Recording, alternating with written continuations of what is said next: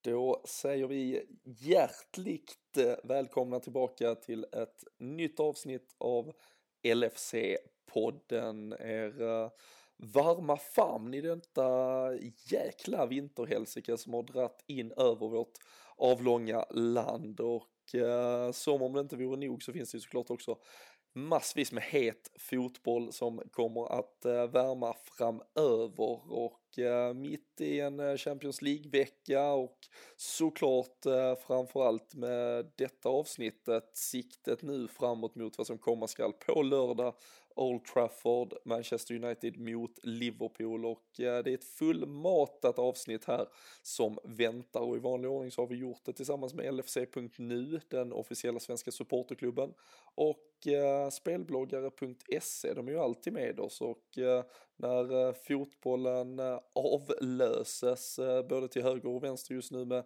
idelt matchande överallt så är det ju en kanonkompis att ta med sig för att liksom ta sig fram i bettingdjungeln.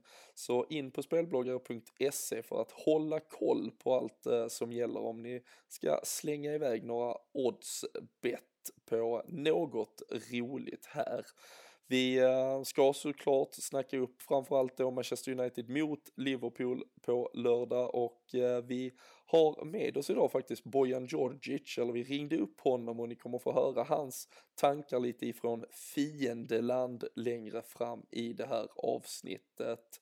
Men eh, inledningsvis så får ni hålla till godo helt enkelt med undertecknad och ja men en annan riktig legend såklart, Daniel Forsell.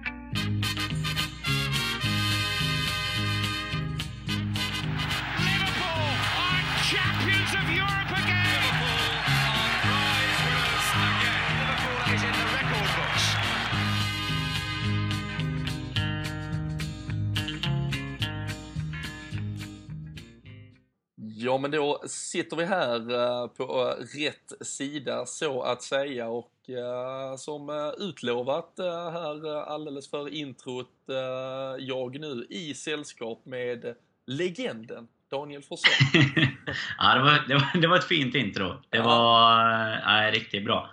Introt det... är ju lite min chans, när, åtminstone när jag har redigeringen på mitt bord, att uh, ta ut svängarna lite extra. Det är ingen av er som tjuvlyssnar när, när jag sitter och gör dem. Liksom. Nej, det, det vet man aldrig vad, som eh, kan, vad man kan få för överraskningar när man själv sitter och lyssnar på, eh, på avsnittet sen. Lite mitt sätt att dubbelkolla att alla som är delaktiga faktiskt lyssnar på avsnittet. Alltid dra någon liten bomb eller chock där ja. i, i början. ja, absolut. Ja, för fasen. Då ska man leva upp till legend här idag då. Det ska vi väl kunna lösa? Ja, det finns, eh, det finns svagare namn som har fått släpa med sig legend i ryggsäcken tycker jag. Så du, Ja, det låter bra. Ja, jag tror du är på rätt väg. Och, äh, ja, men det är ju faktiskt en vecka där, eh, där legend faktiskt annars kan passa ganska bra om man ska knyta väldigt kort äh, till det som hände igår, tisdag kväll, det är onsdag idag när vi sitter här. Liverpool transporterade sig till kvartsfinal och någonstans tror jag att kanske det enda man eventuellt kommer minnas från den matchen, på tal om just legend, är att det kanske blev Iker Casillas eh, sista Champions League-match, 160 fucking sju stycken. Uh, det är väl till och med en poddhatt av för en sån uh, insats. Ja, verkligen. Det får kröna det med en, nolla också, trots att det kanske var nära någon gång. Men eh, nej, det var väl matchen i sig var väl ingen eh, höjdare. Det var som du säger en transportsträcka och det var väl lite vad man hade väntat egentligen. Men Casillas förtjänar ju alla, alla hyllningar. Det var, var väl kul att det gick lite bättre än sist. Han var på Anfield och spelade Champions League. Behövde se sig passerad av Andrea Dosena till 4-0 eh, målet. Det hade inte varit ett värdigt avslut. Nej, sannerligen Istället fick vi en eh, faktiskt superräddning på Danny Ings eh, mm. nick i slutminuterna. ja, det, ja, det var det. Men om det är ett värdigt avslut. Det är värdigt med en, en, en, en superräddning. Ja. Men just att det är Danny Ings i en eh, redan avgjord åttondelsfinal. Det är lite tråkigt. Men nej, fin, Han, fin målvakt. En Minsan. varm kram av Jörgen Klopp och eh, varma applåder av De Kopp i alla fall. Eh, han la ju faktiskt ut i sina sociala medier efteråt och tackade och han har ju talat om hur hur fint det faktiskt är att komma och spela fotboll på Anfield. Det värmer ju med en, eh, en spelare som eh, såklart spelat fotboll på de allra största arenorna i alla olika sammanhang redan. Eh, är det något eh, du tycker eh, att man bör plocka ut som något litet russin ur en annars ganska torr och tråkig kaka från den där tisdagsbataljen? No, alltså det man kan ta med sig är väl att jag tycker att vi... Vi spelar ju ändå av matchen. Jag tycker väl inte att Porto kommer och de, de måste väl ha känt att 5-0 kanske var lite väl övermäktigt. Jag tycker inte att de... De pressar inte på ett sätt som jag kanske hade förväntat mig. Eh, de eh, ville väl kanske komma därifrån med heden i behåll ungefär och det kändes som att det var två lag som ja, men var ganska nöjda eh, med 0-0 tycker jag. Alltså det, det fanns några lägen här och där men det var ju ingen... Eh, det var väl ett så nära sömnpiller man kommer och med den uppladdningen, eller vad man ska säga, just att ha 5-0 så... Alltså det var ju svårt att själv känna sig jätteexalterad för en åttondelsfinal i, i Champions League också. Utan eh, man, man kunde lugnt sitta och eh, gotta sig igenom den matchen utan att behöva ha de här Liverpool-nerverna på utsidan. Utan eh, det var väl fint att vi kunde få bara flyta med för en gångs skull. Så att det är väl det man kan ta med sig, att vi, vi gjorde det, vi gjorde inte det omöjliga och liksom gjorde det spännande. Precis. Och, eh, och någonstans i den här transportsträckan och allting, alltså det är ju egentligen sjukt häftigt att man kan avslaget, vilandes sina nyckelspelare, transportera sig till en Champions League-kvartsfinal det säger ju någonting om att vi har inte ens varit i en kvartsfinal på nio år i den här turneringen. Och, eh, och nu så att säga lunkar vi dit. Eh, ett statement måste man ju ändå ja. kalla det. Ja men det är det ju verkligen och i ett sånt här skede av säsongen dessutom där eh, alltså få möjligheten att vila sina nyckelspelare inför en match mot United. Det är klart att det det finns en jättefördel i det. Så nej, fortsätta i kvartsfinalen på den inslagna vägen och ta 5-0 i första, så lunka sig till semi sen. Det, låter, eh, det kan Klopp ha som plan.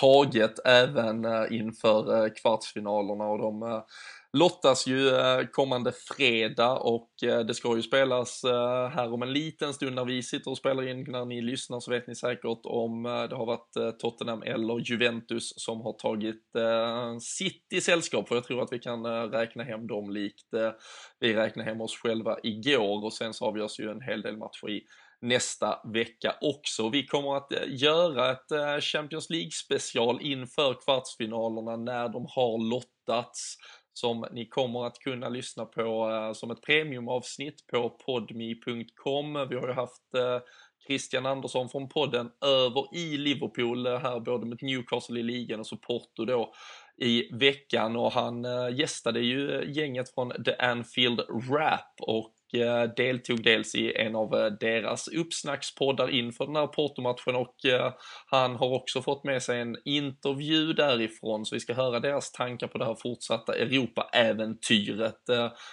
Vi kan ju använda det materialet nu eftersom inget chockartat hände på Anfield. Det var ju lite i förtid vi pratade upp då kommande kvartsfinaler redan men håll utkik efter ett premiumavsnitt med Champions League-fokus i nästa vecka alltså. Eh, för eh, här är det väl eh, dags och hög tid att börja snacka upp det som verkligen kliar och bubblar i en just nu. Där. Så är det. Det är United på lördag. Det är inte Jaha, många matcher som... Jag menar Melodifestivalen. Ja, ja, ja, ja, men den, jag tänkte att den kommer ju strax efter. Vi kör väl en extra podd på det efter United-matchen, tänkte jag. Vi, vi kör ett premium på det istället. Ja, det är bra. Men äh, nej, såklart. Äh, Manchester United äh, eh, 13.30 Old Trafford. United har ju också spelat fotboll i veckan. De hade ju en, den här klassiska måndagsmatchen mot Crystal Palace och vi ska ju få in, eller vi kommer att klippa in i det här avsnittet, vårt snack vi hade med Bojan Djordjic. Eh, vi ringde ju upp honom här i tisdags och eh, tog tempen just lite från fiendeland, hur känslorna är där, hur tankarna går och eh, vi följer mycket in på den där måndagsmatchen mot just Crystal Palace för den, jag vet, den symboliserade ju väldigt mycket den med Manchester United och vi får ju ändå liksom någonstans lokalisera och försöka placera ner var vi har det här United-laget idag och sen ska vi såklart lägga väldigt mycket betoning på vad Liverpool kan uträtta mot dem på lördag. Men uh, jag tror att du, likt som jag och likt alla andra känns, det där var, det där var så typiskt United på så många sätt och vis. Så dåliga, sen ändå så tunga till slut. Så är det ju någonstans just det här att de får med sig de tre pinnarna. Det känns som att det har varit, förutom kanske lite i början av säsongen där de såg eh, ruggigt starka ut faktiskt första, jag vet inte, fem omgångarna kanske. Så känns det som att det är precis på det här sättet de har eh, liksom hankat sig fram. Eh, inte just att de gör såna här vändningar såklart, men de, de ser inte starka ut, de ser inte bra ut och ändå lyckas de på något jävla sätt få med sig tre pinnar. Och Helt otroligt tycker jag att de ligger tvåa med, med de matcherna. Man eh, ser ju ganska mycket United. Man har ju inte så mycket att välja på. Om det är en fyra match eh, och United spelar, då är det ju de som, eh, som visas. liksom. Och det är, ja, det är helt sanslöst och det är precis som du är inne på, det är ju så typiskt United att att lyckas vända och vinna den här matchen som såg egentligen helt avgjord ut tyckte jag vid 2-0. jag såg inte att de skulle, skulle kunna vända. Det, de har ju inget som liksom, eh, det finns ingenting som talar, förutom kanske namnen på pappret då, men i deras spel finns det ju ingenting som talar för att de ska vända en sån match. För de, de spelar ingen bra fotboll, men eh, lätt att sitta och säga det inför en, en match mot dem, där man tycker att vi spelar fantastisk fotboll. Liksom. Så får man la, får man det bakom sig sen. Mm, ja, och sen eh, såklart vid, vid ställning 2-2 när man då känner att ja, Crystal Palace har redan tappat allt, då lyckas ju faktiskt eh, Palace eh, skrapa fram en fantastisk mm. målchans och istället så gör återigen då David de Gea, um, om, om en att Matic avgör senare så är det ju faktiskt där och då no, känns det så att där, där vanns matchen när han, när han tar den liksom. Ja, och det är ju också någonting som är så talande för dem, inte bara den här säsongen utan de senaste, senaste två, tre säsongerna. Så man undrar ju vart de hade varit om de inte hade haft det sker. Det är bara att titta på, eh, nu vi pratade ju Champions League här innan, det var ju samma när de var och mötte Sevilla nere i Spanien. Det är också han som ser till att de kommer därifrån med ett okej bortaresultat eh, egentligen. Så en otroligt bra målvakt. Vi får hoppas att vi att vi kan eh, få lite hål på honom istället eh, till helgen. Eller att vi eh, har... Karius har ju tagit lite hans frisyr nu känns det som. Och även börjat leverera lite själv. Så vi kan ju hoppas att vi har en, något liknande på gång mellan stolparna. Men... Det sitter ju i håret eventuellt. Det känns lite så. Den härliga sägningen. Så vi får väl... Ja se där. Och eh, nej, såklart, och det, det, finns ju väldigt mycket att diskutera kring Manchester United. Det viktigaste ur ur våra ögon sett just nu är ju egentligen hur vi ska besegra dem och eh, det är ju ett United som man kan kritisera för väldigt mycket. Sen så kommer tyngden någonstans in, som vi säger, du pratar om namnen på pappret. Det är när de spelar då med kniven mot strupen när det egentligen inte behöver följas några offensiva riktlinjer för det kanske är där det saknas viss spelidé och så vidare. Men vad tror du att Liverpool nu kan utnyttja? Hur tror du att Klopp tar sig an den här matchen? För hur Mourinho tar sig an den, det tror jag att vi alla vet. Han har gjort det i stort sett varje gång i mötena mot topplagen. Han har haft pressen från supportrar att spela en annan typ av fotboll tusen gånger och fullständigt ignorerat det. Men Jürgen Klopp måste ju någonstans också veta vad det är som väntar och vi har ju sett att om Liverpool blir för bollförande kan det vara lite, men ja, hur, hur ska Liverpool tänka inför lördagen? Jag tycker väl att vi någonstans de senaste månaderna här har lyckats anpassa spelet lite mer mot sådana här sittande försvar som, som vi alla väntar oss att vi, att vi ska få se. Precis som du säger, det blir mer Mourinho-spel än, än klassiskt vad United, alltså klubben Manchester United vill, vill eh, vad ska man säga, ses som. Utan han, eh, han kör sitt race och kommer stå lågt och kanske satsa på eh, Martial och Rashford på kontringar till exempel. Men jag tycker nog att, eh, att vi har sett eh, lite tendenser till att vi börjar att kunna hantera de här försvaren om man tänker West Ham bland annat nu av, av de senare exemplen. Eh, och eh, jag tycker väl att det blir ganska viktigt att eh, faktiskt balansera mittfältet framförallt. För våran fronttrio har vi ju klar oavsett, eh, känns det som. Men jag hade ju gärna sett ett mittfält med, där vi får in våran eh, James Milner igen faktiskt och har ett lite mer Alltså inte det här mittfältet som talar för att det är ett eh, Bronca-gäng som vi möter för att, som har ställt sig defensivt för att de, de inte kan annat om man säger så. Utan lite mer det här mittfältet som vi eh, har varit, bland annat i Porto då, när, på bortamatchen, när vi var väldigt lyckosamma med Henderson och så kanske jag vill ha in Chan då, han var ju inte med där. Men Henderson, Chan och Milner som eh, vi faktiskt satt och pratade också om i en podd här för, för någon vecka sedan eller sådär. Lite det här industriarbetar-mittfältet. För jag tror att Precis. där kommer mycket avgöras. Eh, och genom, genom att de gör det jobbet så tror jag att vi kan även frigöra ytor och, och chanser för våra av våran topptrio där. För jag, man är ju sugen på att se en spelare som Oxlade till exempel mot ett lag som står defensivt. Men jag tror inte att det är rätt melodi att försöka... Alltså han, han behöver ju också ytor om han ska kunna liksom genomföra sina lite genombrytningar eller genombrott sådär. Och, och det tror jag inte vi kommer bjudas på någonting. Utan eh, sjukt nog så tror jag att vi, vi kommer låtas vara spelförande mot ligatvåan borta. Liksom. Mm. Det tror jag faktiskt. Vi eh, slängde ut eh, här ett par timmar innan vi satte oss för att spela in det här avsnittet just eh, hur folket i stugorna hade velat formera vårt mittfält på lördag.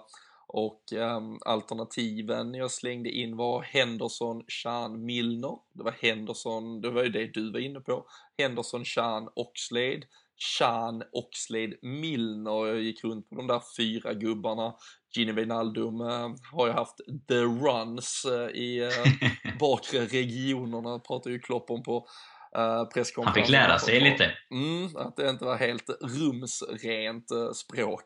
Men, nej, och vi får ju se, han har varit tillbaka i träning men kanske inte går in direkt här. Det finns såklart andra konstellationer man rent teoretiskt skulle stå för, men det är faktiskt Emre Can, Oxlade och Milner som får mest röster där hemma. Eh, det låter ju såklart sexigare än det du säger, men jag håller ju absolut med dig att uh, vi nog genom det sättet att spela och som vi ja, men gjorde i Porto, skillnaden då blir ju en Emre Can in istället för en Gino Wijnaldum uh, och uh, att vi ja, men vi, vi balanserar oss själva lite. Vi kommer inte liksom ställa oss framme vid straffområdesgränsen även om vi skulle få chansen. Det, vi får ju såklart se exakt hur defensivt inriktat det här United-laget blir.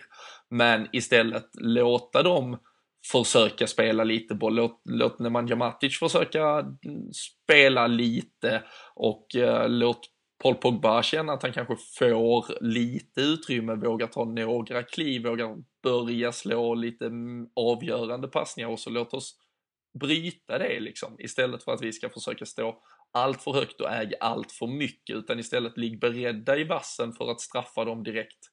De går bort sig. För um, som sagt, de har ju inte velat vara spelförande i de absolut viktigaste matcherna. Vi, vi såg ju, de la sig i stort sett platt mot Manchester City. De var, som du nämnde, i Champions League nu här mot Sevilla. Visserligen då på bortaplan, men var ju inte alls intresserade av att spela fotboll. Men släpper vi då upp dem lite och sen kan hugga på det så känns det ju som att vi har oerhört mycket att vinna och sen så tycker jag att om, om det blir en match i matchen situation så är det ju troligtvis Salah ute på sin högerkant mot antingen Ashley Young eller Luke Shaw som, lär, som är deras vänsterbacksalternativ. Och där har vi ju oerhört mycket att eh, vinna. Young har gjort i perioder bra insatser, tycker han har sett ganska stabil ut de senaste. Och det som Mourinho har gjort när han har kommit till Anfield ett par gånger är att han i stort sett har lagt om det som någon fembackslinje. Då har ju Ashley Young istället varit kanske den där femte spelaren som har gett ett stöd. Jag, jag kan inte se att han skulle vara så defensiv, att han skulle våga göra det och presentera det för publiken på hemmaplan, utan det kommer nog bli en fyrbackslinje och då tror jag att vänsterbacken där kommer få ett helvete och troligtvis Victor Nilsson Lindelöf innanför sig som också har blandat och gett.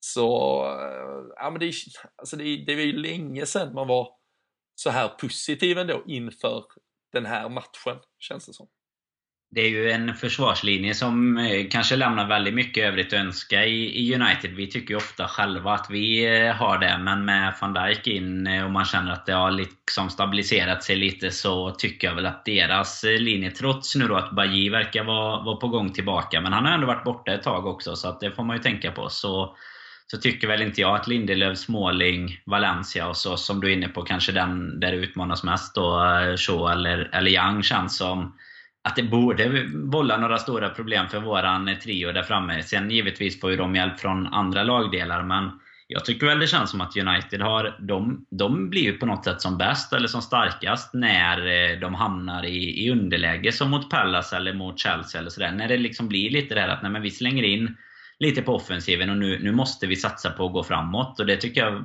visar ett ganska stort underbetyg till Mourinho som coach. Det, det är skönt att få sitta här och hacka lite på honom så, men det känns verkligen som att de presterar bäst när, när det liksom, ja men nu, det nu är det aldrig, nu måste vi gå in och försöka anfalla här. När de tappar blir... lite den här taktiska biten som han verkar försöka. Alltså det, det, känns som att han har en viss förmåga att lyckas förstöra. Alltså en spelare som Pogba till exempel som har all potential i världen och kanske var en av, en av de främsta spelarna. Det känns som att det har liksom han kan ju försvinna i matcher helt totalt och vara sämre än McTominay liksom och bli petad av honom. Och det är ju helt otroligt egentligen. Det är och som det att kän... Ings ska börja peta Salah nu. ja, precis. Ja, det, det, känns ju som att deras om man säger, taktiska grundupplägg ibland hämmar den individuella kvalitet som finns där och det har ju mm. varit uh, positivt för Alltså, det är ju bara att vara väldigt krass och ärlig att liksom grundkvaliteten i Paul Pogba, grundkvaliteten i Alexis Sanchez, den speed, finess, smartness som finns i Rashford, Martial, eh, kreativiteten i Juan Mata, Romelu Lukaku, man kan säga vad man vill om att han inte har presterat mot topplagen, storlagen. Nu gjorde han mål och assist mot Chelsea och var bra i den matchen, eh, kan ju såklart eh, vara något han tar med sig och börjar känna någon form av vändning. Eh, har ju annars också haft det svårt mot Liverpool, där han ju även i Everton var egentligen inte jätteimponerande där och jag minns ju den där Mané-avgörarmatchen när eh, Ragnar Klavan la honom i fickan i 90 minuter bland annat. Men, men det är som du säger, när, när de släpps ur systemet, när det står 2-0 borta mot Crystal Palace och man bara måste, nu måste vi bara spela fotboll och göra mål då, då, är ju alla plötsligt ett, ett litet snäpp bättre i alla fall, för då, då får de lita till sin egen individuella skicklighet helt enkelt.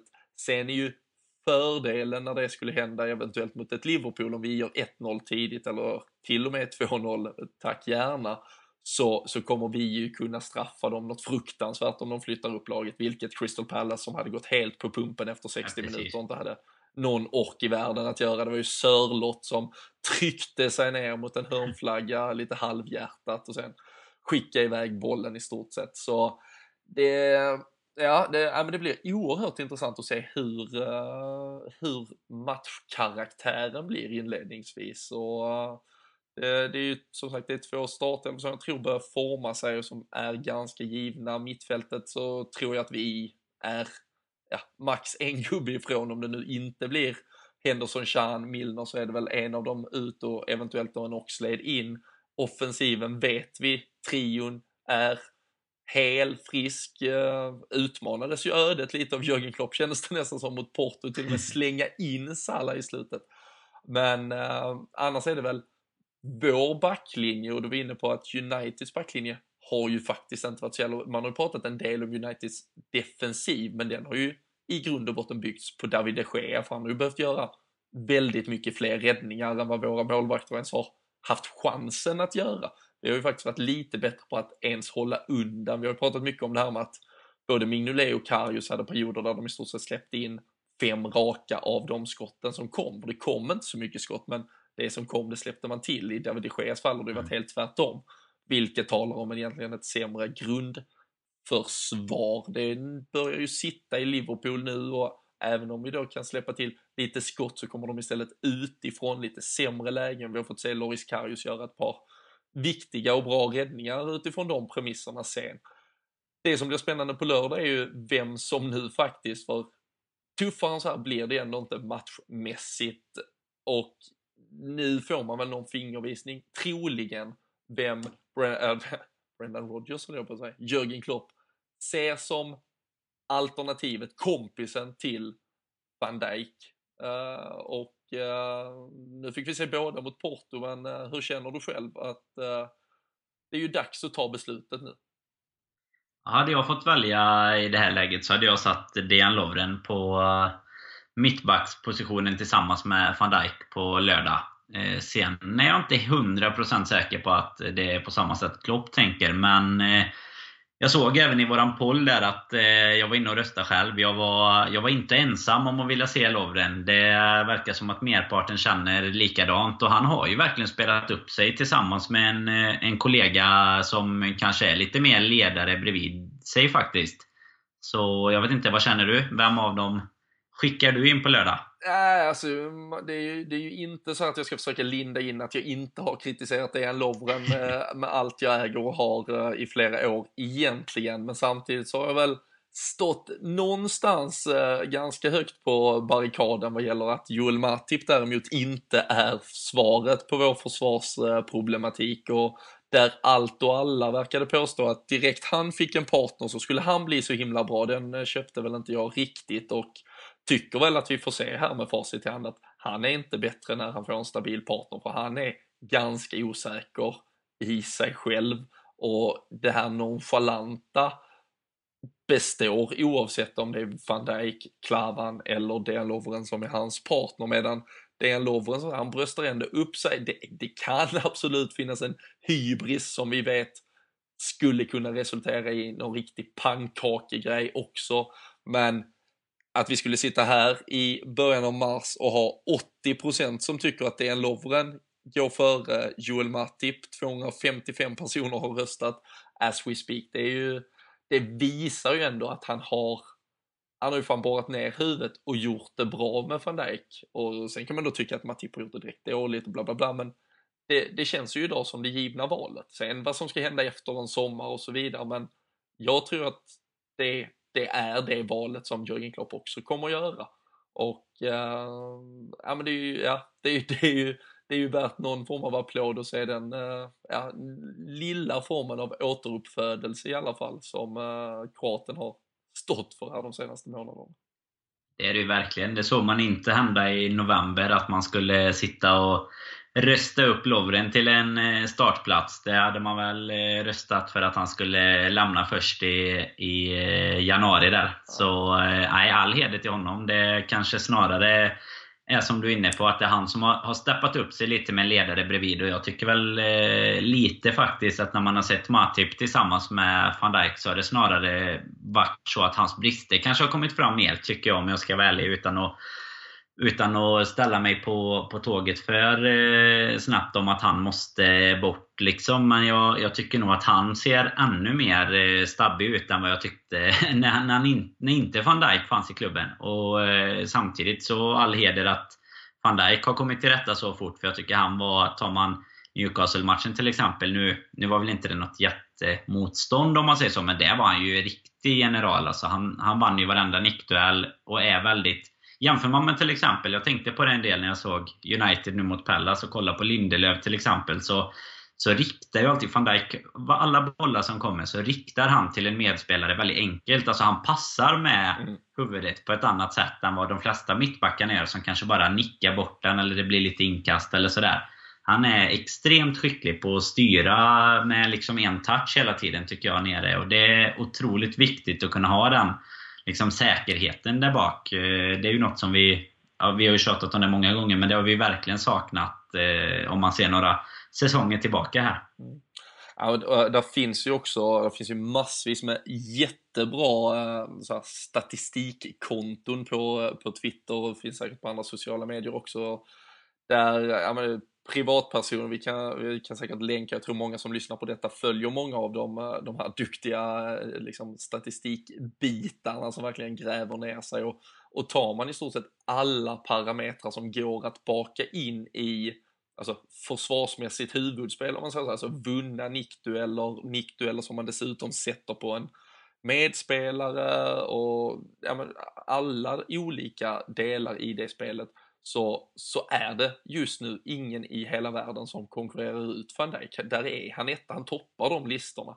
Um, han har ju tappat typ så här tre nickdueller sedan han kom till Liverpool. Alltså det är ju det är liksom löjliga siffror nästan. Och ja, här får man ju återigen bara lyfta på, på den berömda hatten till Jörgen Klopp som, som valde att vänta. Eh, det krävde att vi satt här en, en höst till och, och svor, eh, genomled Tottenham-debaclet och ett par andra stötar längs vägen. Men nu står vi här och eh, gör vi, tar vi ytterligare ett steg i sommar så, så är vi ju verkligen på rätt väg. Och det, det ska ju bli jäkligt, det blir ju såklart ett ett jävla elddop på, på lördag mot Manchester United. Eh, självklart van Dijk gick in i en FA Cup-match och, och, gjorde debut och gjorde mål mot Everton. Såklart en speciell match ur, ur många synvinklar, men, men det här är ju Ja, men det, det större, större än så här blir det ju inte. Och sen var han ju inte med mot Manchester City till exempel. Så, så det här blir ju ett test för honom också. Det, det ser man ju fram emot att se. Och jag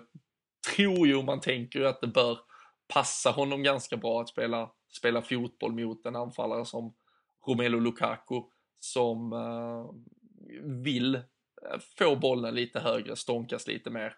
Uh, sätter de den, det, det, skulle ju förvåna mig om man börjar sätta den extremt mycket i djupled på Lukaku helt plötsligt, även om det kanske hade varit det bästa.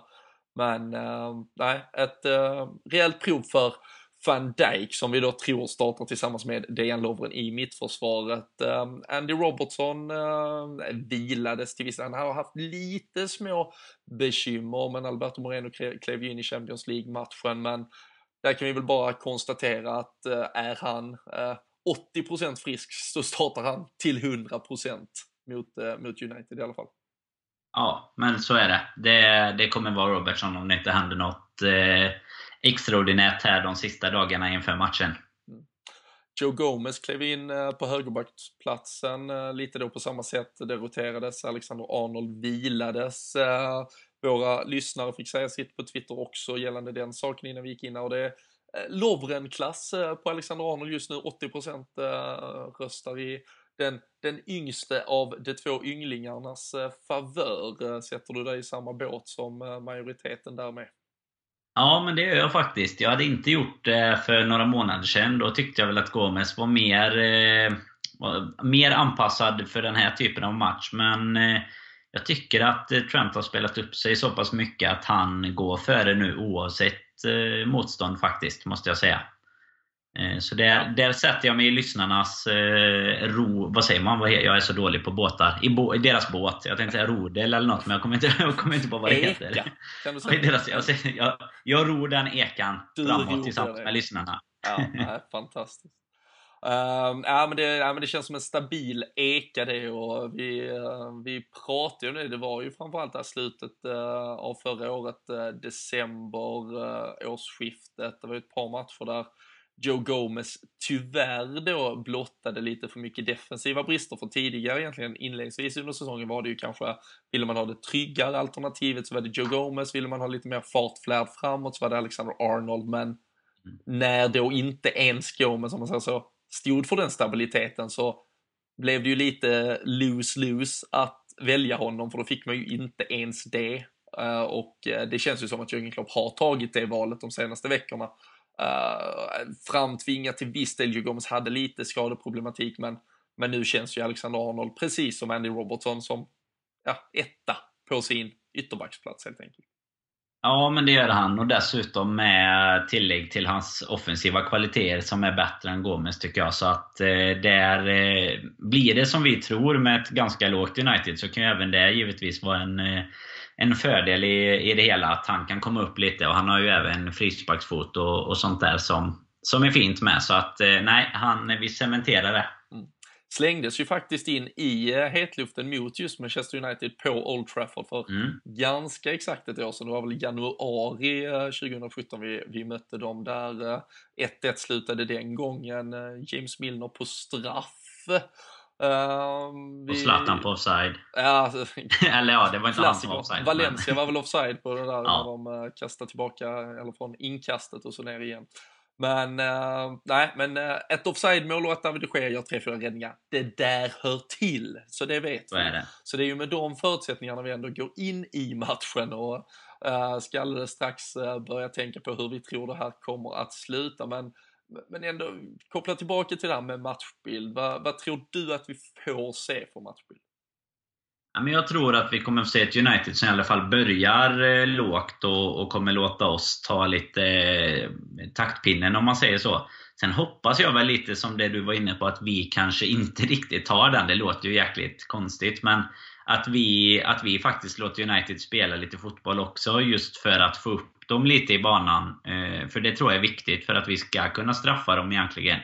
Sen, eh, sen, men jag tror väl egentligen att eh, Mourinho är så eh, cynisk liksom, så att han spelar gärna 0-0 i, i den här matchen och tar med sig de poängen. För jag, jag upplever bland, man känner ju en del United-supportrar hur de hur man nu har hamnat i sådana eh, konstiga umgängen. Men eh, det, det känns sådär. Det är två helt olika typer av supportrar just nu, Liverpool-fans och United-fans. För jag tror inte att det finns knappt en United-supporter som är nöjd med hur hur det spelet ser ut. Trots att de har en poäng mer än oss och, och ligger tvåa i ligan så känns det som att de själva också vet att det, de, de lever lite på lånad tid med att de faktiskt tar de här tre poängarna Som nu de, när de gjorde en vändning mot Crystal Palace som egentligen givetvis för, för en klubb som United ska vara till 90% i alla fall bara åka dit och plocka de här poängen.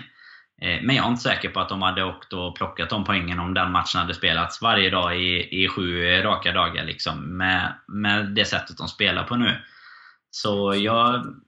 Nej, och det är väl lite det. Så jag, jag tror väl att Mourinho tyvärr kommer, kommer satsa på en pinne. Han vill inte släppa förbi Liverpool och då kommer vi in på resultat egentligen. Men, men där någonstans så tror jag väl att ett kryss kanske ligger nära till hans. Det hade ju varit spännande att se eh, Jürgen Klopp ställa upp Liverpool eh, på ett eh, Antonio Conte Chelsea-manér som mot Manchester City. Vi bara ställer tio gubbar som, som bara står helt stilla. Inte intresserade av att nej, vi, kommer inte, vi kommer inte ta bollen. Vi vägrar. Vi vägrar. Ja. Båda lagen kanske kommer stå så. Ja. sen så händer det något i minut 85 sen. Ja, singlar slant här till slut. Ja. ja. Nej, det... Nej, vad tror du? Tror du, tror du Mourinho vågar att trycka upp någonting? Nej, jag, jag, nej, jag tror inte han gör det. Jag, jag tror att han är uh, oerhört uh, rädd uh, för att uh, gå bort. Alltså, jag, jag, tror han, han kan tänka sig att leva med att han är en cynisk, gnetig jobbig jävel som, som får 0-0 liksom. med sig och får han 0-0 med sig fram till 87 då kan han ju få med sig 1-0 och det, det, jag tror han tycker det räcker liksom. Kan han i stort sett försöka låsa in 0-0 och eventuellt få med sig 1-0 uh, eh, så det, det är han nog så frestad över kontra risken det skulle kunna vara att försöka spela fotboll mot Liverpool om än att fansen nog hellre också United skulle liksom Ja, vad fan, okej, okay, men vi, vi var, det var en jävla holmgång, vi slogs fram och tillbaka, det stod 1-0, 1-1, 2-2, 2-3, alltså, och så får man se lite vad, vad det kommer till. Jag vet att direkt efter slutsignal så kommer alla United-supportrar såklart jubla om det så bara blir 1-0 med ett mål i 93. Det, det hade vi alla gjort, men, men det är som du säger, hur, hur länge kommer det att vara så jäkla kul, roligt och spännande. Men på lördag tror jag vi får se det. Eh, men jag tror att eh, Liverpool, eh, som vi har varit inne på, vi har lite fler och lite, vi är lite bättre taktiskt drillade känns det som och har varit de senaste månaderna än vad vi har varit egentligen ett par år där, där viss typ av motstånd har varit väldigt svår för oss att hantera. Och ja, men att vi kanske också är då lite försiktigare som sagt i vår approach. Det blir ett hårt jobbande mittfält. Det är okej okay om vi inte liksom pressar på. Vi kan få tappa lite boll. Vi vinner tillbaka den. Vi, vi får upp så att det blir lite spel mellan lagen och, och då kommer ju vi att komma till vår rätta. Och eh, vi har ju egentligen inte ens pratat om vår offensiv mer än att konstatera att den är där och hur fantastisk den är och den utöver Porto-matchen här i Champions League som vi har konstaterat var en transportsträcka så, så har de ju fortsatt leverera liksom in i kaklet hela tiden här. Det, Salah fortsätter att göra mål, Mané har fortsatt göra mål sen, sen vi fick igång honom på Dragao tillsammans och eh, visst, Firmino kan man tycka med Newcastle minimalt hack ner, men sen blixtrar han ju till, gör det helt fantastiskt inför 2-0 målet och ska väl också berömma lite Rafa Benitez för att han punktade bort honom ganska bra, men, ja, men det känns ju som att vi ja, vi, vi går in i den här matchen med jäkligt många S i rockar, men de går in i den med en David de Gea, absolut. Men, men mycket så, mer än så, till deras fördel tycker jag inte att Manchester United går in till den här matchen med. Och ja, vi ska ju höra, uh, så sitt kvar här nu, vi börjar avrunda denna delen, men vi pratade ju med eh, Bojan Djordjic eh, här eh, igår, det var tisdag förmiddag, det var ju innan han faktiskt skulle kommentera just Liverpool-Porto, men han kommer ju ge sin syn lite från fiendeland, hur tankarna går där. Är det lite det vi är inne på eller hur surras det i leden? Och ni får höra vad han tror om matchen, vad han tycker att United måste se upp med hos Liverpool, vad Liverpool eventuellt behöver se upp med hos United och även vad han tror matchen till slut eh, slutar. Men eh, vi kommer att köra tipstävling tillsammans med Sam Dodds i vanlig ordning och eh, det är stor match och eh, stora matcher kräver stora priser. Så matchtröjan för säsongen är inslängd i potten och eh, ni eh, håller koll på reglerna hoppas jag. Annars dubbelkolla nu allt när ni ser detta dyka upp på Twitter i slutet av veckan. För det är ju alltså att följa LFC-podden som är viktigt, retweeta bilden och så svara in sen, vanligt svar liksom, med all den där infon. Inga så här citeringar och annat trams. Vi har haft ett par eh, incidenter där man har gått bet på vinster och nu är det ju som sagt en matchtröja i potten så det vill man inte missa. Eh, till och med du Danny kommer väl försöka vinna den antar jag?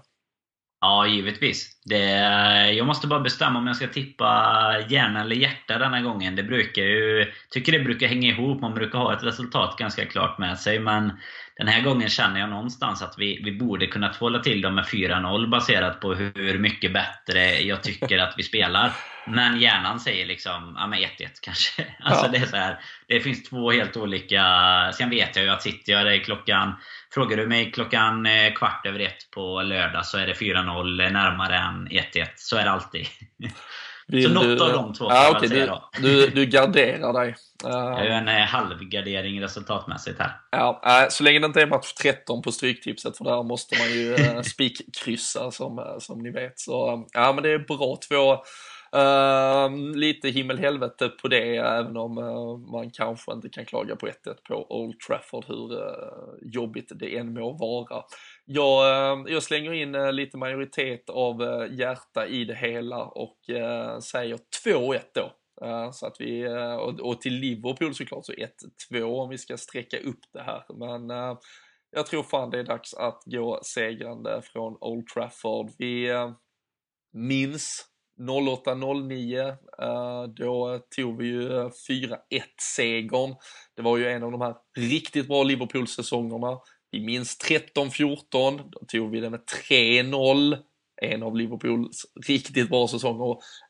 Man vill ju putta upp den här säsongen i nivå med dem, så eh, då ska det ju gärna till en tvålning på Old Trafford. Så äh, seger i alla fall för The Mighty Reds eh, och eh, då blir det ju en bra jävla helg och så kan vi knapra ostbågar till Melodifestivalen senare.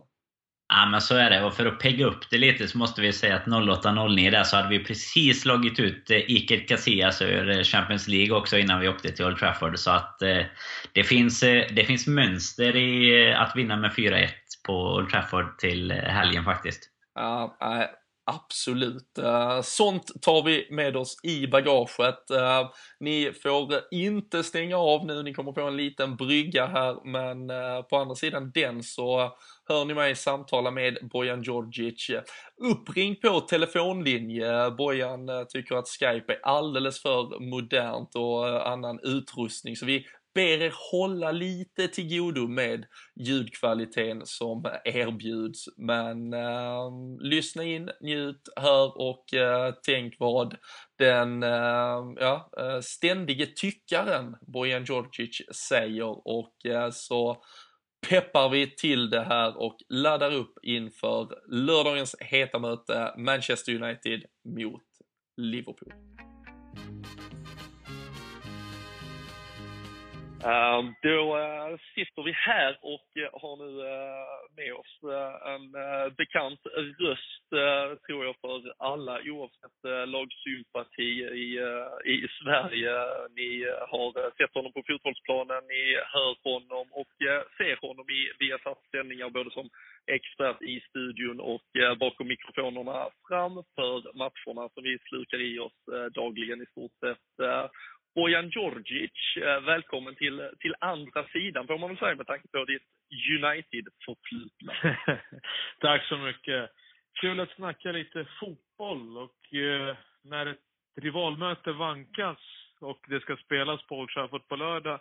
Det är alltid kul att dela med er lite i mina åsikter angående United och Liverpool och höra egna, era också. Så fotbollen är ju, den, den är så pass stor tack vare våra åsikter. Och det spelar ingen roll om du har spelat en minut eller om du inte alls spelat, eller tusen matcher, så ska du ha rätt till din åsikt. För supportrar gör den här sporten mer intressant och den gör det för spelarna värt den här tiden man lägger ner när man springer ut inför fullsatta läktare.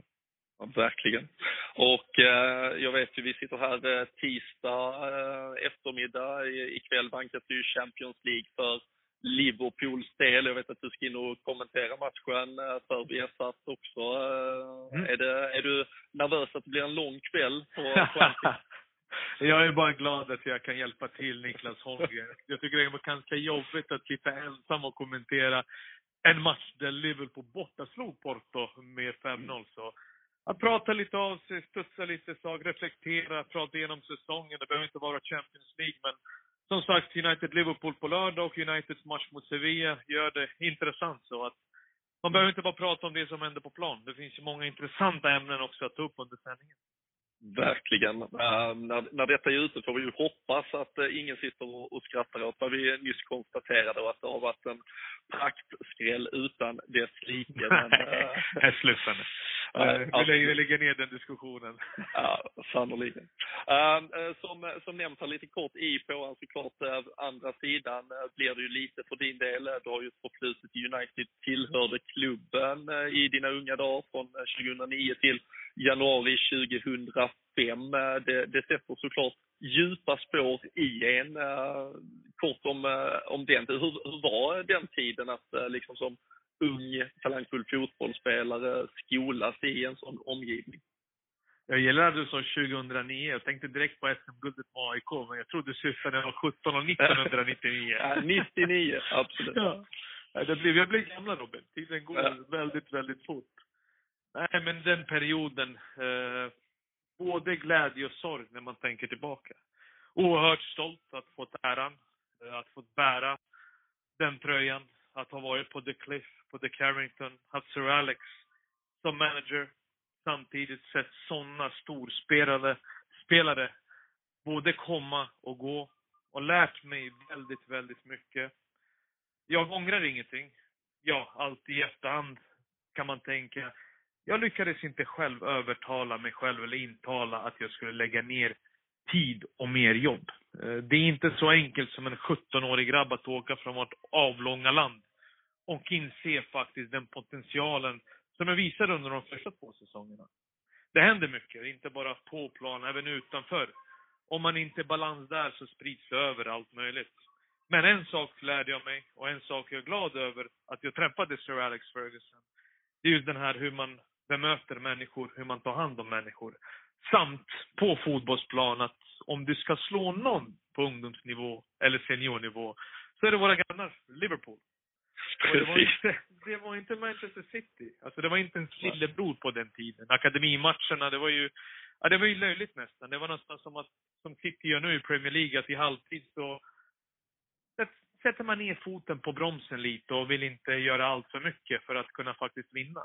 Det var i Liverpool som det var stora. Åka till Melwood, sitta i bussen. Var Sir, Al Sir Alex Ferguson med det för att han ska se, för att han ska bedömas. Och det är någonting som sitter kvar där inne och det finns ju ingenting bättre, större än den här matchen för mig i England.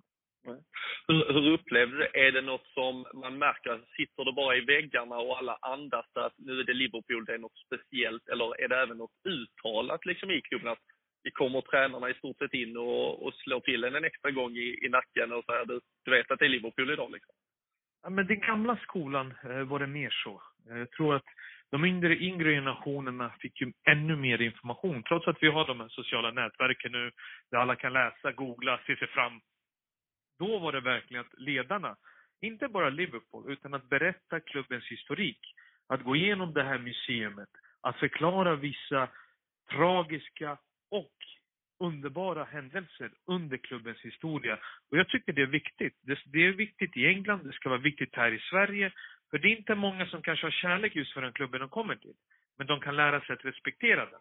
Och det var Sir Alex grym på. Där många managers säger att det är så jobbigt, det är så mycket press. Han tog sig tiden, för han som brukar säga det här är mitt jobb, det här är min klubb. Och det är inte bara laget jag basar över, utan jag ba- basar över allihopa här. Precis. Nej, det är ju, eh, vi kan eh, säga mycket, vi, vi spenderar mycket tid i den här podden till att säkert kräka ur oss eh, en hel del mot en ärkerival som Manchester United är, men det är ju såklart något, det här du är inne på med, med respekten som man ändå har alltså för de här genuina spelarna, de som har tagit sig till en historia som, som förstår innebörden av vad vissa matcher gör med fansen det är ju, eh, liksom, det är ju en, en krydda som vi ibland i dagens fotboll kanske känner att vi har lite för lite av. Hur viktiga är den här typen av matcher som nu väntar på lördag? I, i den här liksom fotbollen som annars svämmar över av, av spelare som kommer och går och det är högstbjudande hit och dit. Att, att vi får ha den här typen av matcher kvar. Hur, eh, hur mycket tror du det betyder egentligen för fotbollen generellt? Men Robin, vad hade vi gjort utan varandra? Jag tror att eh, både kanske några United-supportrar som lyssnar på det här och merparten av Liverpool-supportrar kan ställa sig själva den frågan. Hade det varit lika kul att prata om saker, att sitta ner och diskutera, ifall inte det här mötet fanns? Eh, det här mötet för mig är det första mötet, jag tar min penna och faktiskt lägger en liten cirkel runt det datumet då matcherna ska spelas.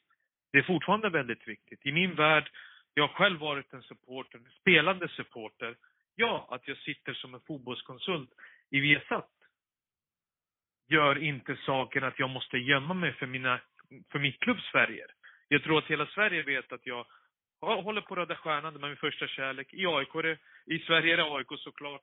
Mm. Och att United är den klubben som ligger mig närmast hjärtat i Premier League. Jag tycker inte något fel. Om England kan acceptera Jamie Carragher och Gary Neville, varför är det så fel att veta vad en expert och vilket lag, lag han håller på?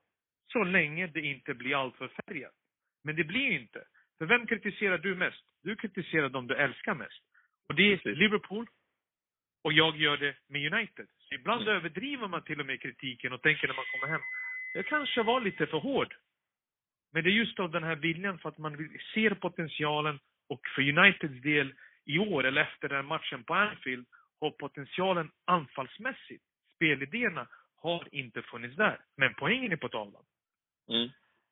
Hur ser du på just det? För det är ju äh, ganska, det är två egentligen väldigt skilda säsonger men ändå så mycket som är lika för United. Vi går in i det här mötet på lördag med ett Manchester United som har 62 poäng. Man tog ju sent omsider en trepoängare måndag kväll hos mot Crystal Palace. Ett Liverpool på 60 poäng. Båda lagen, Liverpool kanske då med ett lite bättre såklart utgångsläge här i Champions League. United de är på 0-0 mot Sevilla. Man är liksom på ganska liknande nivå. Men det är ju ett United, visst, det är ett Liverpool som i perioder, framförallt försvarsmässigt, innan van Dijk kom in, har fått mycket kritik i de leden. Men annars har man ju pratat om Salah, den fantastiska offensiven. United har ju till mångt och mycket mest fått ta skit, men någonstans har ju resultaten ändå kommit. Men det är sagt det, sett, sett till spelet så har man inte förtjänat 62 poäng. Och därför, om man ska ta någonting positivt, är det väldigt starkt att under merparten av säsongen, utan ett fungerande anfallsspel eller spelidé, fortfarande, eller vi kan ta bara matchen som, som i måndags, att ligga under med 2-0, skapa Mm. så lite under den första halvleken. En riktigt dålig första halvlek. Jag skämtade lite om när jag kommenterade när Pelle Bäckman frågade mig. Jag sa bara, nej det har inte varit direkt lysande. Ja, det var ju lite med glimten i ögat för alla ser ju det uppenbara. Och det måste också folk lära sig att lyssna på och inte bokstavligt ta upp de här orden. Andra halvleken, lite bättre, men ändå släpper man till det andra målet. Och ändå hittar man, trots att man inte skapade tre chanser, så gör man tre mål. Men Mm. Besvikelsen kommer. Jag pratar för mig själv, kanske för vissa andra United-supportrar. Det är att i vårt DNA, klubbens DNA, är inte det här spelet som man betalar dyra pengar för att se.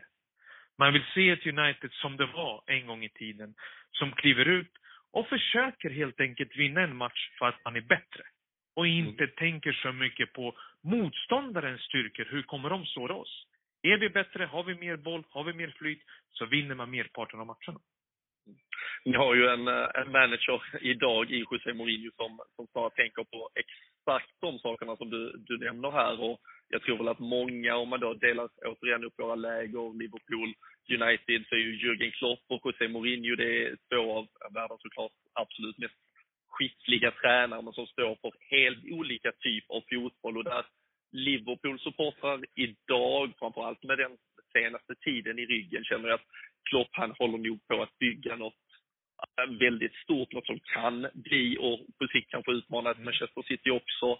Hur, hur ser du på det som José Mourinho ändå bygger? Han har, ju, han har ju pengarna till det. Han sätter dit klossarna, han hämtar Sanchez i januari.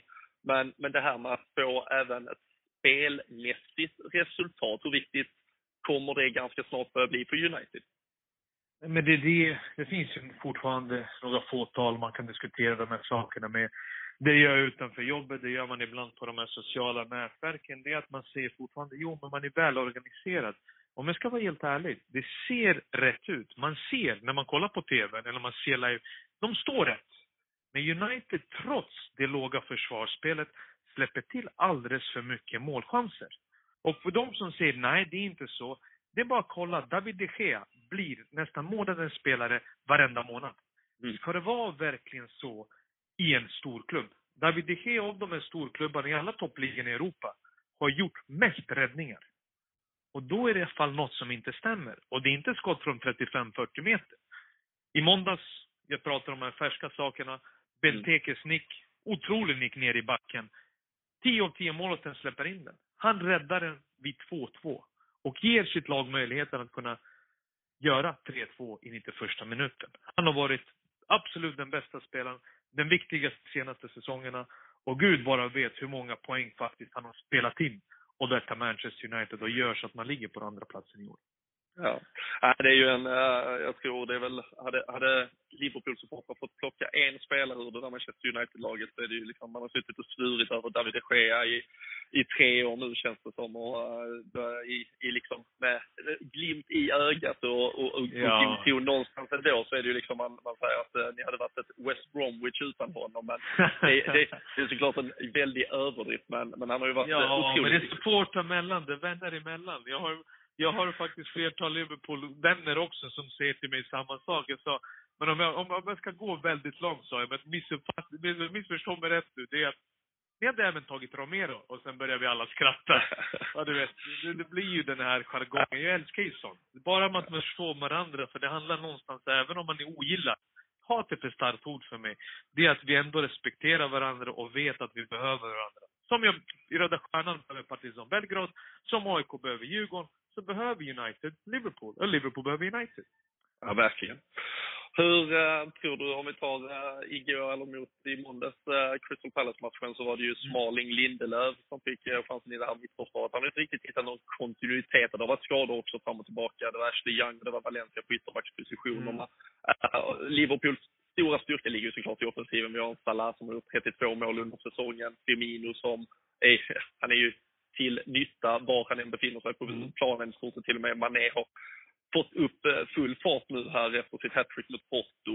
Ehm, hur tror du att United formerar sig mot det och, och hur, hur, hur rädd och försiktig tror du att Mourinho kommer vara mot den här Liverpool-offensiven? Såklart, det första nog Mourinho tänker på, det är inte hur kommer vi utnyttja deras svagheter offensivt. Utan hur kan vi stoppa Liverpools styrkor för att på så sätt, när de är högre upp, kunna blotta dem genom vassa omställningar. Men jag tycker att United är alltid bättre när man kliver fram i positionerna. För man har kvaliteten, man har tyngden och man har snabbheten. Och gör man det högre upp som man gjorde i början på säsongen, det betyder alla Uniteds bästa spelare, mest kreativa, är ett hack upp och närmare motståndarens straffområde för att på så, på så sätt kunna lyckas såra dem. I de flesta stormatcherna så vet vi, eller flesta, varje stormatch, så vet man att Mourinho kommer strypa den. Mm. Och det låga gör också, som du har sett matcherna mellan oss, mellan oss två emellan, både på Anfield och Old Trafford, så blir det, när man är alldeles för låg, alldeles för lång väg att vandra för de kreativa spelarna när en omställningsläge ges. Men det känns ju också så, äh, på Anfield senast så såg vi ju stor, han har ju använt, nu har ju Ashley Young blivit lite mer av en renodlad vänsterback. Han använder honom ju i en alltså fembackslinje eller 3-5-2 vad vi ska kalla det. Då, då fyllde han ju på med egentligen ganska defensivt för att liksom över, överbelasta lite mot, mot Liverpools offensiv. Han har gjort det mot andra lag också. Äh, men tror du att han tar han till rent av någon ny taktik för att, men för att sätta liksom Salah mot Ashley Young eh, en mot en. Det, det låter i vår bok som ganska positivt. Mm. Absolut, men United behöver, de behöver prestera. Eh, eftersom när man tänker på de här rivalmötena, jag kan bara gå till december och derbyt mellan United City på Old Trafford. Då City under 90 minuter spelar ut United. Eh, den tomma blicken man möttes utanför Old Trafford av United-supportrarna, det var länge sedan jag såg den. För som sagt, det spelet då var inte i DNA. Och folk, supportrar, när de tar sig dit, trots att de vet vad Mourinho tänker, hur han vill formera sitt lag, vill se lite mer. Vill se ett hungrigare United. För den matchen betyder väldigt mycket. Ja, tre dagar senare ska man ta sig an Sevilla, men det spelar ingen roll. Den truppen ska kunna hantera både göra det bra på lördag och på tisdag mot Sevilla. Backlinjen, vi pratade om det tidigare. För mig hade jag valt det. Målvakten behöver vi inte prata om, vi vet vem som står. Men jag hade gett Shaw chansen ute som vänsterback. Jag hade tagit in Bailly, han är tillbaka från skada nu. Han är Uniteds bästa mittback. Och bredvid honom hade jag faktiskt gett Viktor chansen på nytt. Mm. Men jag tycker att när Viktor behöver en ledare bredvid sig, jag har sagt det även i studion, han hade det i Benfica med Luisao, han har det i landslaget med Granqvist, och han behöver en Bailly bredvid sig som faktiskt täcker upp. När han spelar med Smalling, enligt mig, det är den sämsta tänkbara kombinationen, eftersom Chris är ingen ledare. Han täpper inte till ytan bakom Victor ifall han ger sig av. Och han är väldigt mycket alibi i sitt passningsspel när till exempel man ska bygga från De Gea och han kommer in väldigt smalt och vill inte ha bollen. Så Bailly, Victor och sen Valencia ute till höger. Det är backlinjen. Luke Shaw behöver chanser. Han är den mest naturliga vänsterbacken du har och du behöver en vänsterfot där. Speciellt när du spelar till exempel med Sanchez, Martial eller Rashford till höger eller till vänster, för de kliver in på sin höger. Den ytan öppnas upp och då behöver någon som slår in dem på ett ifall överlappen kommer. Mm. Om vi, det blir ju såklart väldigt färskt om man refererar till måndagsmatchen här mot Crystal mm. Palace, men, men jag tycker man har sett en del stundtals under säsongen också. Om vi tittar offensivt i United så har det varit lite in och ut på en spelare som till exempel Marcus Rashford, men mm. äh, även en Anthony Martial Eh, jag känner ju såklart väldigt väl till Liverpools begränsningar försvarsmässigt. Nu har ju van Dijk kommit in, han har gett en helt annan pondus mm. till det. Men det här att förstå och försvara mot ett, där vi har ett lag framför oss egentligen, det är ju Liverpools stora styrka. Och där kan vi framförallt bli liksom upphållna av en van Dijk. Tror du att Mourinho vågar sätta in den här speeden och utmana Liverpool på det sättet. För jag kände ju att en Rashford till exempel, bara mot Crystal Palace förändrade han ju matchen. Han sätter både sig själv i djupled, han sätter bollar i djupled, han vågar springa. Men det är ju exakt det här att om det är någonting man kan ge Mourinho, ja såklart Lingard har sin bästa säsong, det har många pratat om, alla ser det uppenbara. Men det är just i de här skeden att göra rätt val från början så att man inte hela tiden behöver falla tillbaka på byten som ger frukt. För det var ju så mycket i början på säsongen, eller under säsongen, det var ju Martial Rashford, Martial Rashford.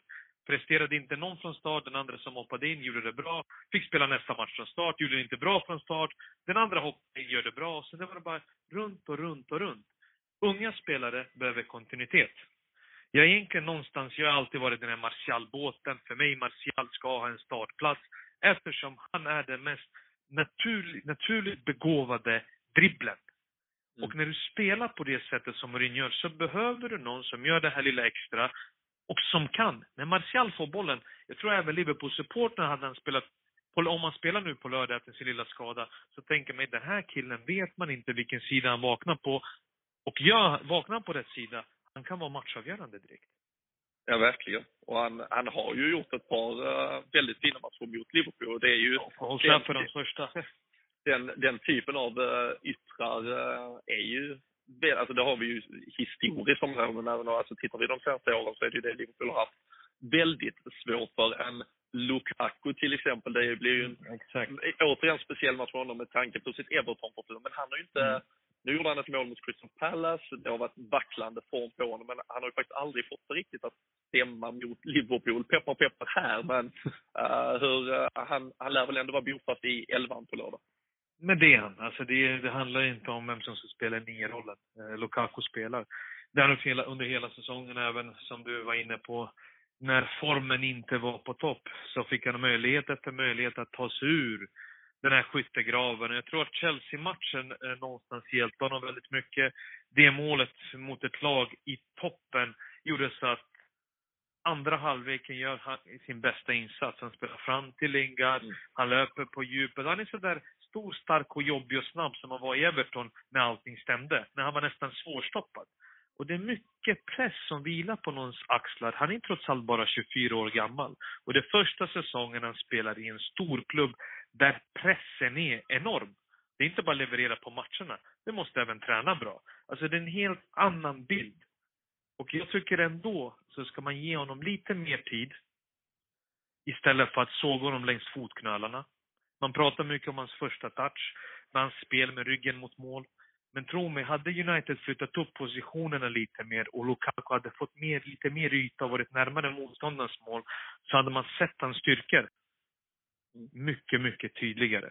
För det är ingen spelare du vill ha uppspelsfasen med ryggen mot mål långt ner på din planhalva. För det är varannan första touch som blir bra och varannan som blir dåligt. Men det är någonting han måste själv jobba på och han är intelligent nog för att förstå vad är det för svagheter han måste bli bättre på för att han ska verkligen bli älskad och accepterad av alla. Ja, vi får uh, från Liverpool-håll får vi hoppas att han inte uh, borrar sig alltför djupt in i era hjärtan redan på lördag. Men, uh, men absolut, det är ju såklart otroligt mycket fotbollstalang i den kroppen ändå. Um, från ett United-perspektiv, vi ska börja avrunda. Vad är du Mm. mest rädd för annars från, från Liverpool-håll? Vad, vad tror du om du väger in de båda elvorna vi ungefär kommer få se på plan? Vad, vad är Liverpools största chans till att straffa United? Nej, men det är just eh, den galna offensiven. Och de fina mönstren och tajmingarna i maxlöpningar. Du vet, många snackar om en maxlöpningar. Det är inte bara att ta en maxlöpning. Det är just att välja rätt läge när den ska komma och vilken typ på boll som ska spelas då. För när Liverpool sätter fart, blir man av med bollen, är man långsamma i sitt bolltempo som United var mot Crystal Palace igår under den första halvlek, slarvar man bara lite så är Liverpool grymma just för att lukta till sig den lösa bollen, den slarviga passningen och på så sätt då kommer verkligen game set and match. För får Liverpool första målet, det är nog United-supportrarnas största oro. Då kan man falla och United har ju just problem med att skapa saker genom eget spel. Till exempel som City har absolut inga problem med att spela mot låga försvar för att man vet förr eller senare så kommer det. Och gör man det så kan Liverpool genom omställningar, om ni är bra på någonting, det är just att ha yta bakom motståndarens försvar för att kunna löpa in på. Mm.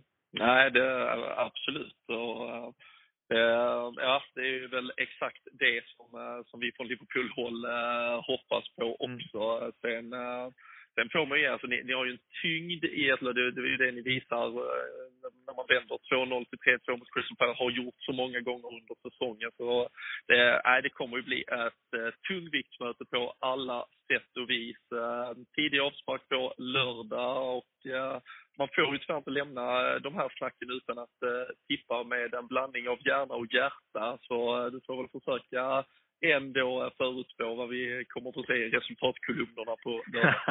jag har tjatat för mycket om Martial Lukaku. Så Martial med framspelningen, om han är frisk förhoppningsvis, och Lukaku med det här avgörandet. För du vet, Liverpool har ju varit alltid ett sånt lag där spelarna som varit lite ifrågasatta, kritiserade, oftast borrar in sig som du sa i supportrarnas hjärta.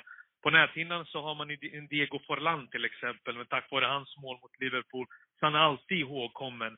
Eftersom han hade ju en mycket längre och mycket större måltorka till exempel än vad Lukaku har. Som, hans målskörd är ju helt godkänd med tanke på de matcherna han spelat och den kritiken han har tagit.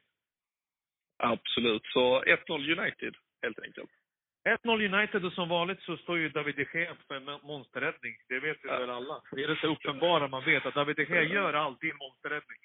Det, det är väl eh, det. Det är att eh, betala skatt och att David de Gea räddar eh, några monstermål. Det är det enda sanna som vi alltid kan luta oss mot här hemma helt enkelt. Men äh, tusen tack för att du var med och gav lite syn från, om vi ska kalla det fiendeland, men som du har varit inne på, som vi har pratat om, det är ju det här och den här typen av matcher som, som gör att man älskar den här sporten så oerhört mycket. Så tusen tack Bojan och all lycka framöver så håller vi tummarna för en eh, häftig match på lördag om annat. Tack så mycket Robin. Kul att, kul att du ringde så ses vi på Arlanda någon gång. Hoppas jag absolut. tack så mycket. Perfekt, tack.